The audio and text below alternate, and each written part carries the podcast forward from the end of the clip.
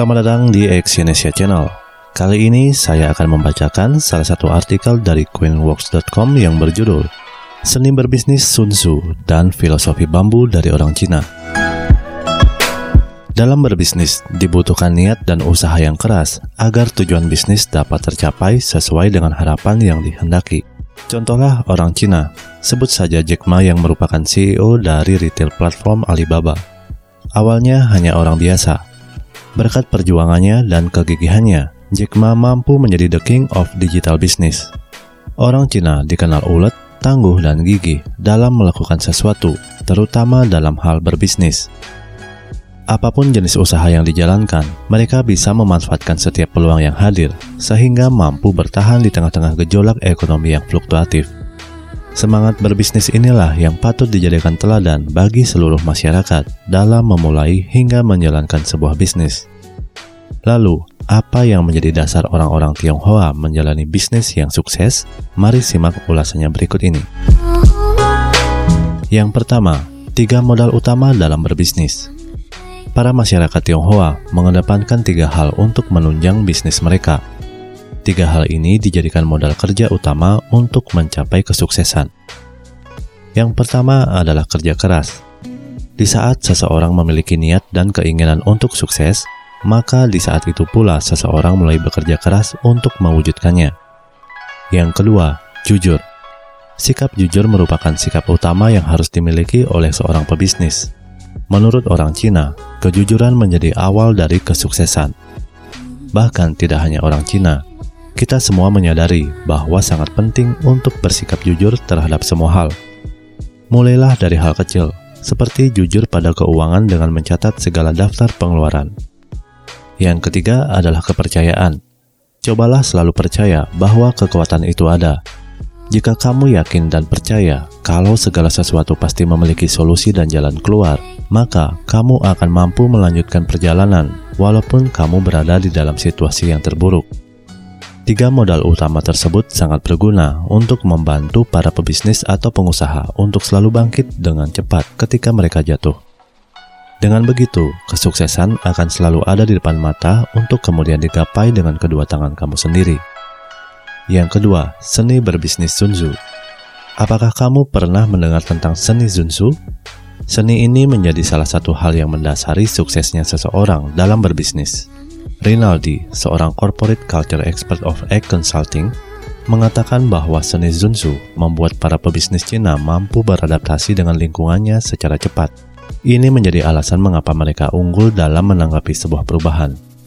Perlu diketahui, seni Sun Tzu ini berbicara tentang bagaimana cara menjalin relasi dengan manusia lain, di mana hubungan antara manusia lebih diutamakan daripada perhitungan bisnis, termasuk keuntungan bisnis tidak akan berjalan dengan sempurna apabila tidak ada relasi yang terjalin di dalamnya. Masyarakat Tionghoa percaya bahwa dengan menerapkan seni Zunzu, bisnis akan menjadi lebih manusiawi. Seni Zunzu ini pula yang membuat para pebisnis Tionghoa menjalin hubungan yang erat dengan banyak pelanggan. Seni Zunzu juga mendorong para pengusaha untuk menjalankan strategi bisnis yang bisa menguntungkan banyak orang. Sederhananya, mereka lebih suka mengambil sedikit keuntungan, tapi dengan jumlah transaksi yang besar. Dengan begitu, pelanggan juga akan bertambah banyak dengan sendirinya. Yang ketiga, berbisnis menggunakan filosofi bambu. Selain Zunzu, filosofi berbisnis lain yang digunakan oleh orang Cina yaitu filosofi bambu. Ada sebuah prinsip yang digunakan dalam filosofi ini, yaitu mengambil keuntungan sedikit demi sedikit tiba-tiba mencapai puncak kesuksesan. Katakanlah seorang pebisnis memulai usaha sembako. Untung dari penjualan sembako tersebut sangat sedikit, namun tetap dilakukan sampai bisnisnya itu sampai menguasai pasar. Ia menekan biaya atau dengan keuntungan kecil sehingga bisa menghasilkan produk yang kualitasnya setara dengan produk pesaing lainnya. Bedanya, ia menjualnya dengan harga lebih murah. Nah, ini dia caranya mencapai puncak kesuksesan dalam bisnis. Tidak harus mengambil keuntungan yang besar untuk menjadi sukses. Cukup menjualnya dengan murah, namun dengan transaksi yang banyak.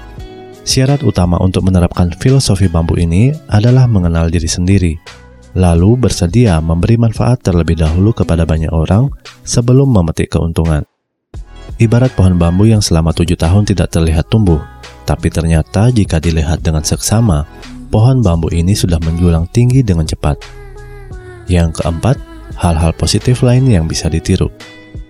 Tahukah kamu, Indonesia memiliki kecerdasan, ketelitian, dan budaya yang sangat baik, bahkan cenderung lebih baik dari masyarakat lain. Namun sangat disayangkan, potensi ini kurang disadari dan dimaksimalkan. Kamu bisa meniru hal-hal positif para warga Tionghoa dalam menjalankan bisnisnya agar lebih sukses. Antara lainnya, etos kerja yang tinggi, harmonis yang baik dalam menjalin relasi, kemampuan menyusun strategi bisnis, kemampuan menguasai teknologi terkini, kemampuan mengenal kelemahan diri sendiri dan pesaing, kecepatan berkembang, menampilkan diri secara sederhana, melakukan penetrasi pasar tanpa disadari halayak masyarakat, cenderung menutup kelebihan yang dimiliki. Keunggulan-keunggulan tersebut bisa kamu tekuni dan pelajari untuk mencapai kesuksesan. Tidak perlu ragu, hanya perlu keyakinan dan tekad yang kuat dalam pencapaiannya.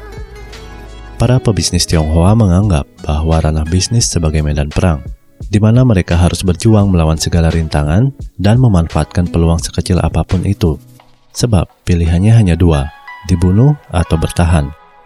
Mereka merasa sangat bangga mewariskan sekaligus menjalankan nilai-nilai yang terkandung pada nilai Zunzu dan filosofi bambu.